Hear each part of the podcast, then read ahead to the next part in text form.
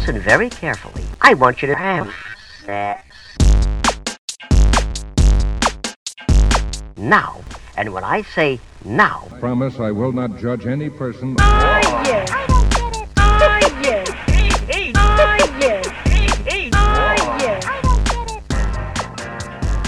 Cześć, z tej strony Nat, czyli Twoja zaufana sekspertka, a to jest Nat i Seks.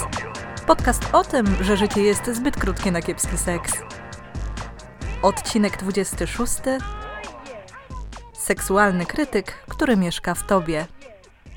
Hej, hej, miło mi znów gościć w Twoich dziurkach usznych i mam nadzieję, że cieszysz się na to spotkanie tak samo jak ja.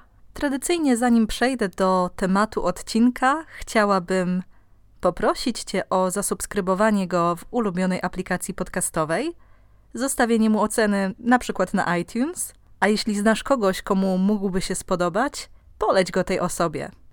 Oczywiście, jeśli czujesz się bardzo hojnie, możesz wrzucić na moją sekspozytywną tacę w serwisie Coffee i link, aby to zrobić, znajdziesz w opisie. Zresztą moja sekspozytywna taca w serwisie Coffee już dawno przekroczyła założony cel, czyli opłacenie rocznego hostingu dla podcastu. Natomiast postanowiłam wykorzystać te dodatkowe środki, aby kształcić się dalej i dzięki Wam, dzięki osobom, które wspierają moją działalność, zapisałam się na dodatkowe szkolenie z psychobiologii kinku. Jestem Wam za to bardzo wdzięczna. Przejdźmy więc do tematu dzisiejszego odcinka, czyli seksualnego krytyka, który mieszka w nas. Większość z nas zna taki wewnętrzny, krytyczny głos, który mówi nam, że nie jesteśmy w czymś wystarczająco dobrzy, dobre, minimalizuje nasze osiągnięcia, każe kwestionować rzeczywistość, wyzywa nas od oszustów. To wewnętrzny krytyk. Jego głos może aktywować się w każdej dziedzinie życia, więc nie jest niespodzianką, że seksualny krytyk aktywuje się w sytuacjach seksoerotycznych. Może to być podczas seksu partnerowanego, podczas seksu solo, ale też takie sytuacje, które zdarzają się gdzieś dookoła seksu. Może to być na przykład takie hej, hej, co cię podnieca w tej dziwnej scenie filmowej, albo dlaczego nagle czujesz podniecenie czytając jakąś scenę w książce.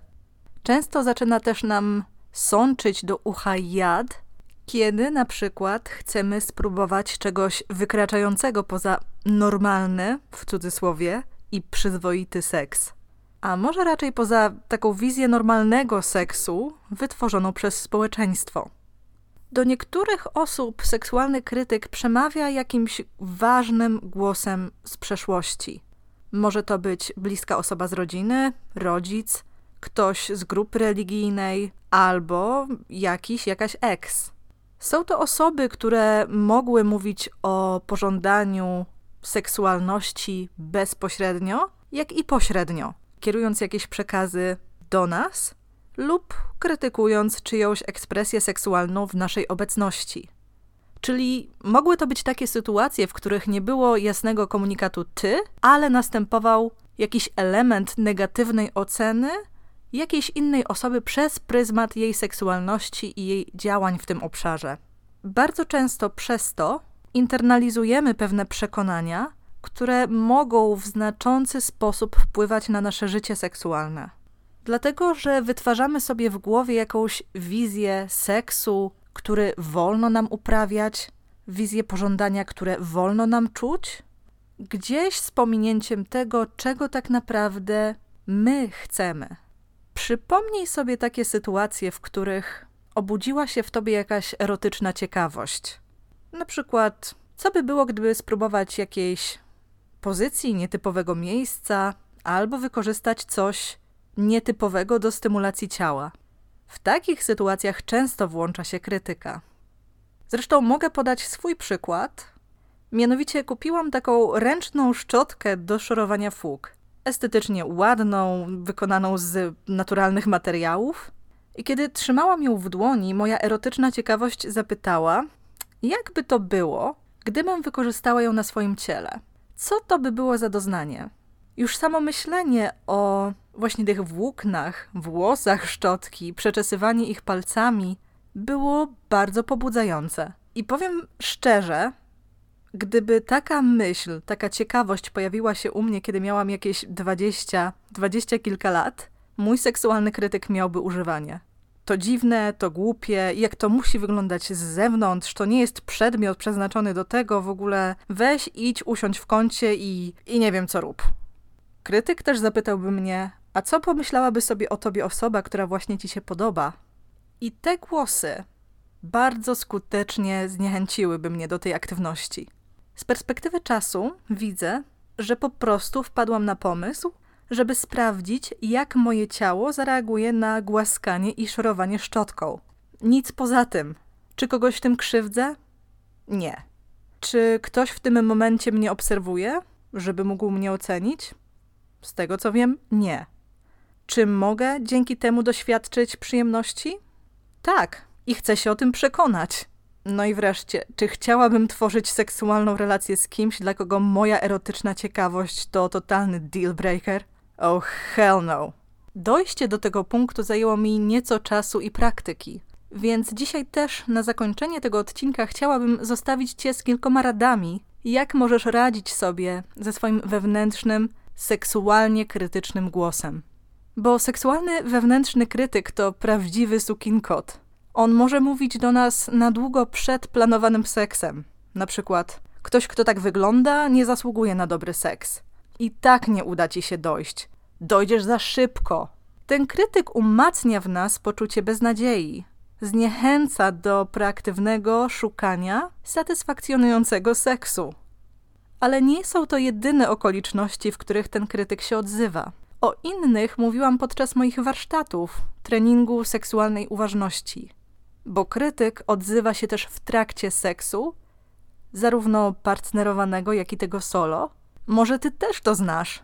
Jesteś w intymnej sytuacji z kimś, z jakąś fajną osobą i wciąż zastanawiasz się, czy aby na pewno dobrze wyglądasz, czy dobrze brzmisz, Obawiasz się, że zaraz coś zepsujesz, jeżeli na przykład zaproponujesz jakąś modyfikację lub zmianę? Boisz się poprosić o coś, co może sprawiłoby ci przyjemność, bo zastanawiasz się, co sobie pomyśli ta druga osoba. I wychodzi z tego taki niezamierzony trójkąt, albo i cała kula pierdula, w której udział biorą ludzie i ich wewnętrzni seksualni krytycy. Sytuacje solo seksu też nie są odosobnione. I teoretycznie znika w nich ten element zewnętrzny, czyli ta osoba partnerska, z którą uprawiamy seks. Natomiast krytyk chce kontrolować też to, co robimy solo. Też mogę podać przykład takiej sytuacji, no właśnie ta moja, ta moja szczotka, ale też takie blokowanie swojego własnego podążania za tym, co podpowiada nam pożądanie. Bo jeżeli pożądanie podpowiada nam, że teraz mamy ochotę poocierać się genitaliami o zrolowaną kołdrę, poduszkę, o kant materaca, o cokolwiek, to bardzo często ten wewnętrzny krytyk mówi: hej, hej, ty wiesz, jak to musi wyglądać głupio z zewnątrz? W ogóle, dlaczego ty to robisz? Skąd ci to przyszło do głowy? I w ten sposób dość skutecznie wycisza w nas tę wewnętrzną ciekawość, tę naturalną, erotyczną ciekawość, którą w sobie mamy. W niektórych przypadkach głos wewnętrznego, seksualnego krytyka ma paradoksalnie działanie kojące. Bywa tak, że jest odbierany jako coś, co chroni nas przed zmianą obecnej sytuacji. I tutaj też podam przykład. Okoliczności są takie. Nie satysfakcjonuje mnie seks, którego doświadczam, ale mój wewnętrzny krytyk przekonuje mnie, że mój związek jest dobry w innych obszarach, więc ja wymyślam głupoty. Stawiam za duże wymagania. Ten głos krytyczny w takich sytuacjach, ten kojący krytyczny głos jest szczególnie podstępny, bo zamiast być takim przeciwnikiem, antagonistą, staje się kompanem, pocieszycielem w jakiejś kiepskiej rzeczywistości. Przecież taki wewnętrzny krytyk chce dla nas dobrze. Chce zatrzymać nas w strefie pozornego komfortu. I choć, jak już wspomniałam, może działać kojąco, bardzo często nie pozwala nam ruszyć dalej, tylko przekonuje, że ta sytuacja, w której się znajdujemy, to najlepsze, co może nas spotkać. Więc musimy przestać wymyślać.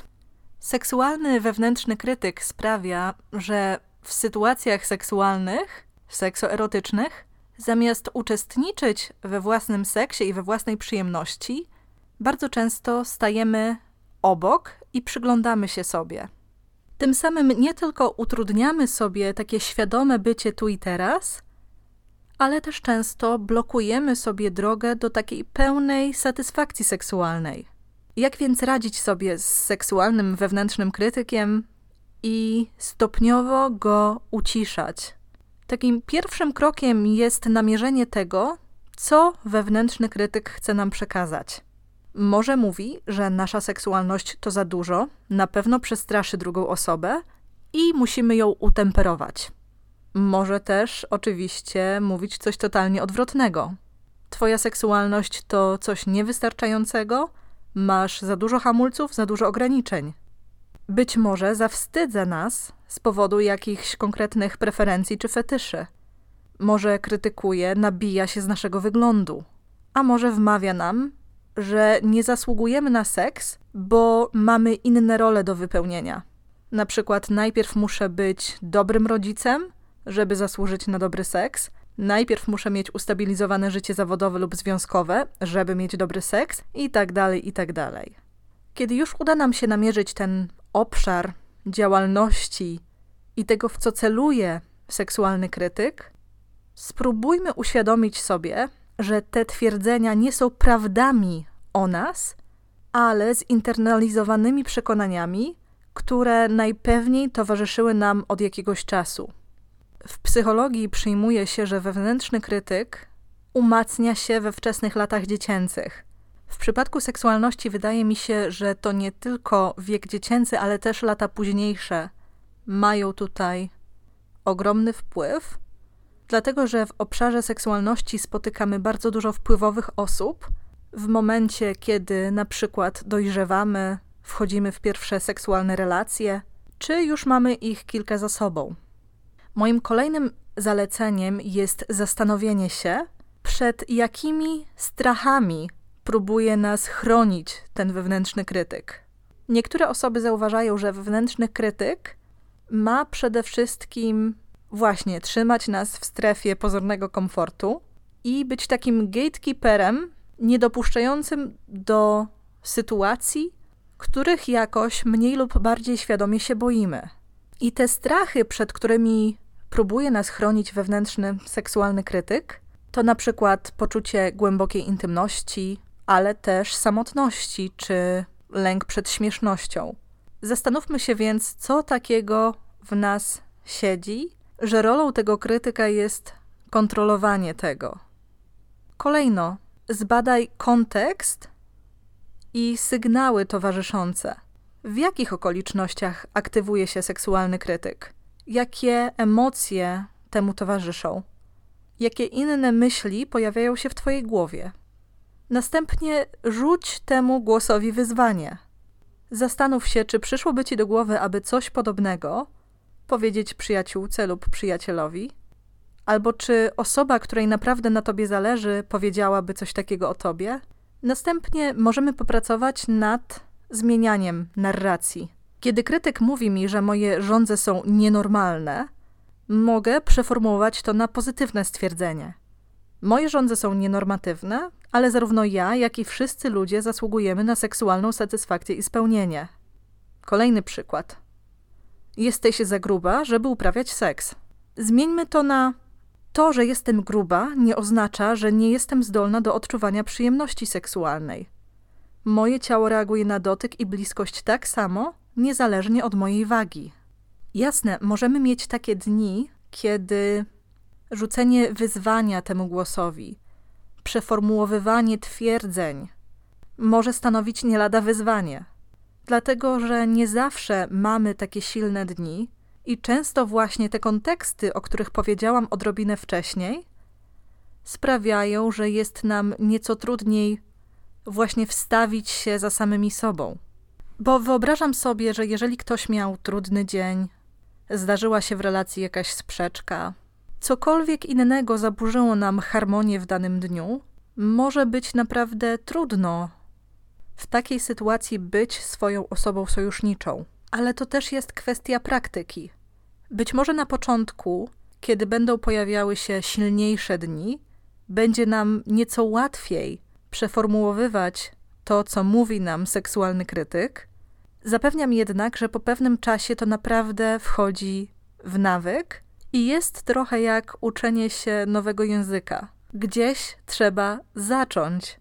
Co jeszcze jest bardzo pomocne, to próby przypomnienia sobie sytuacji seksoerotycznych, które były dla nas dobre, a w których wewnętrzny krytyk się nie aktywował lub jego głos był cichszy. Kiedy przypomnimy sobie takie sytuacje, zastanówmy się, dlaczego tak było jaki był ich kontekst, który pozwalał nam radzić sobie z tym głosem, ignorować go lub sprawiały, że totalnie się nie pojawiał. Czy jest więcej takich okoliczności, które możemy wprowadzić do swojego życia seksualnego? I wreszcie warto też uświadomić sobie, że kiedy to seksualny krytyk ciągnie nasz wózek, my na tym tracimy. Mamy w życiu mniej przyjemności, mniej seksu, być może też mniej znaczących relacji. Oczywiście, jeżeli seksualny krytyk jest szczególnie mocny i nie jesteśmy w stanie poradzić sobie z nim przy pomocy tych strategii, które zaproponowałam nieco wcześniej, warto poszukać pomocy terapeutycznej i z czyjąś pomocą przezwyciężyć ten krytyczny, wewnętrzny głos. I dlaczego warto zająć się seksualnym wewnętrznym krytykiem?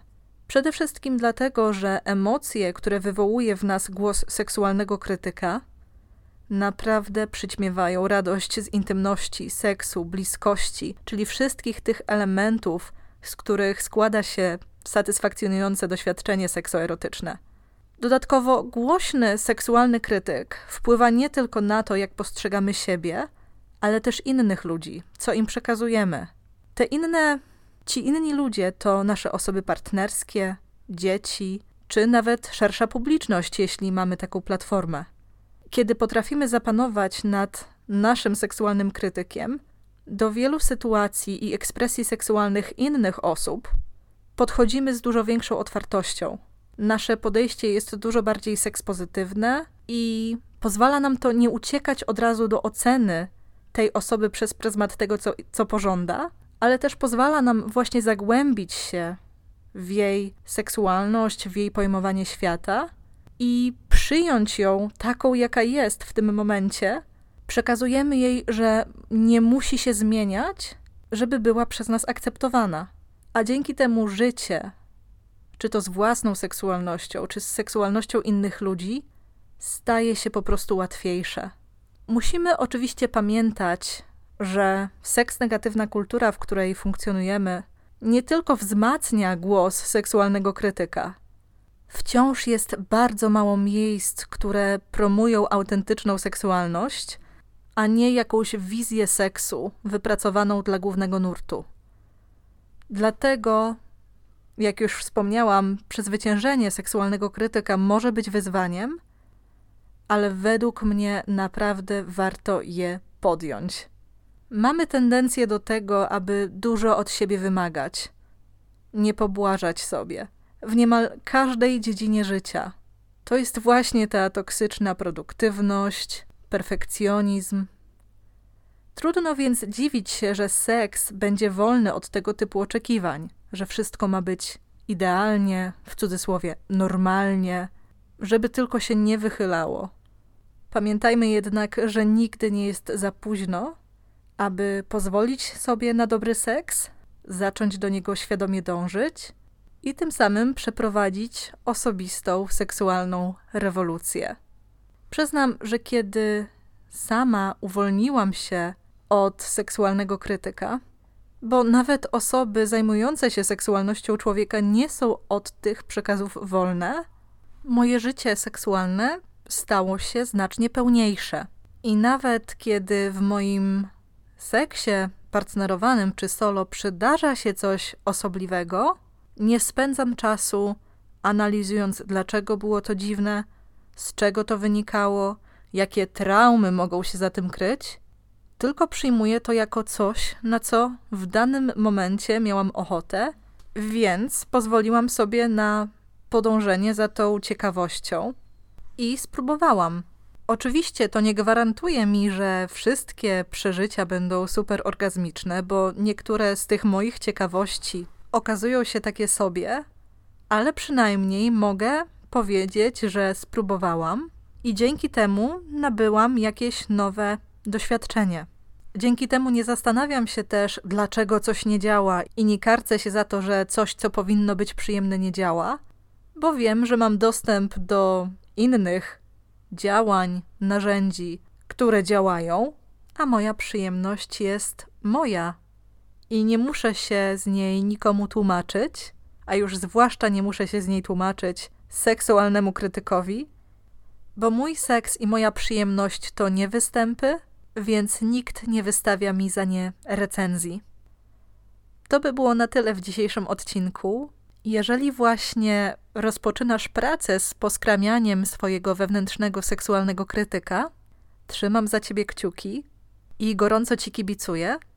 Jeżeli ten proces już za tobą, przybijam ci sekskastową piątkę, zaś wszystkim bez wyjątku życzę wszystkiego seksownego i do usłyszenia już wkrótce. Pa!